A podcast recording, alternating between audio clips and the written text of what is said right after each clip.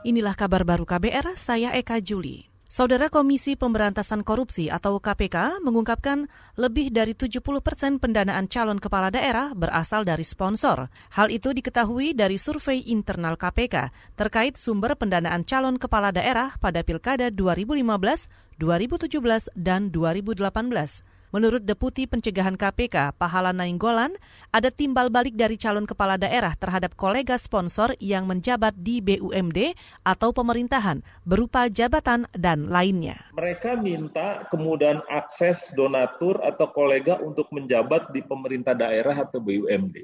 Pada interview lanjutan gitu, apa sih maksudnya? Ternyata ini yang dimaksud adalah kepala dinas, kepala badan yang jadi tim sukses petahana gitu dan dia ikut memobilisasi dana untuk mendukung supaya e, calonnya terpilih dan mereka minta jan, minta supaya mereka entah naik jabatan atau jabatannya di kepala dinas yang bergengsi.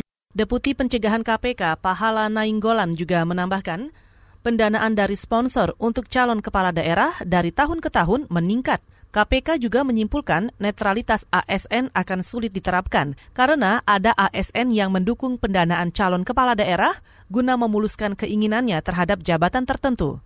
KPK juga menyebut pejabat eselon 2, kepala dinas, kepala badan, dan sekda sulit netral saat pilkada. Saudara Komisi yang membidangi dalam negeri DPR menilai aparatur sipil negara ASN sulit menjaga netralitasnya dalam pilkada. Saat diskusi virtual kemarin, anggota komisi yang membidangi dalam negeri DPR, Johan Budi, mengungkapkan ASN yang tidak memiliki jabatan tinggi akan lebih mudah menjaga netralitasnya. Sementara ASN dengan jabatan tertentu dinilai sulit menjaga netralitasnya karena mendukung kepentingan salah satu calon kepala daerah dalam perhelatan pilkada. Kalau saya lihat dalam uh, konteks pilkada, uh, di sana ada Bawaslu, ada uh, apa Gakumdu ya, yang kemudian ikut memonitor pelaksanaan itu. Tetapi saya belum pernah baca uh, apa atau saya terlewat ya uh, yang secara uh, besar gitu ya penegakan hukum terkait dengan uh, ketidaknetralan uh, ASN ini. Itu tadi anggota komisi yang membidangi dalam negeri DPR, Johan Budi.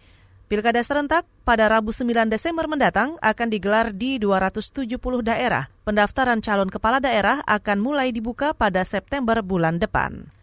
Saudara pemerintah Amerika kembali menambah investasi pengembangan vaksin corona buatan Johnson Johnson senilai 1 miliar dolar Amerika atau setara 14,6 triliun rupiah.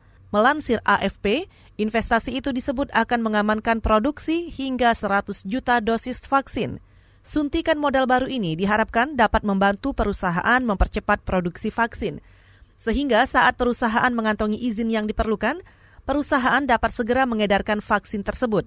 Selain pengembangan vaksin, Amerika juga menghabiskan miliaran dolar untuk membangun pabrik perusahaan yang memproduksi jarum suntik hingga pengembangan perawatan. Saudara, demikian kabar baru. Saya Eka Juli.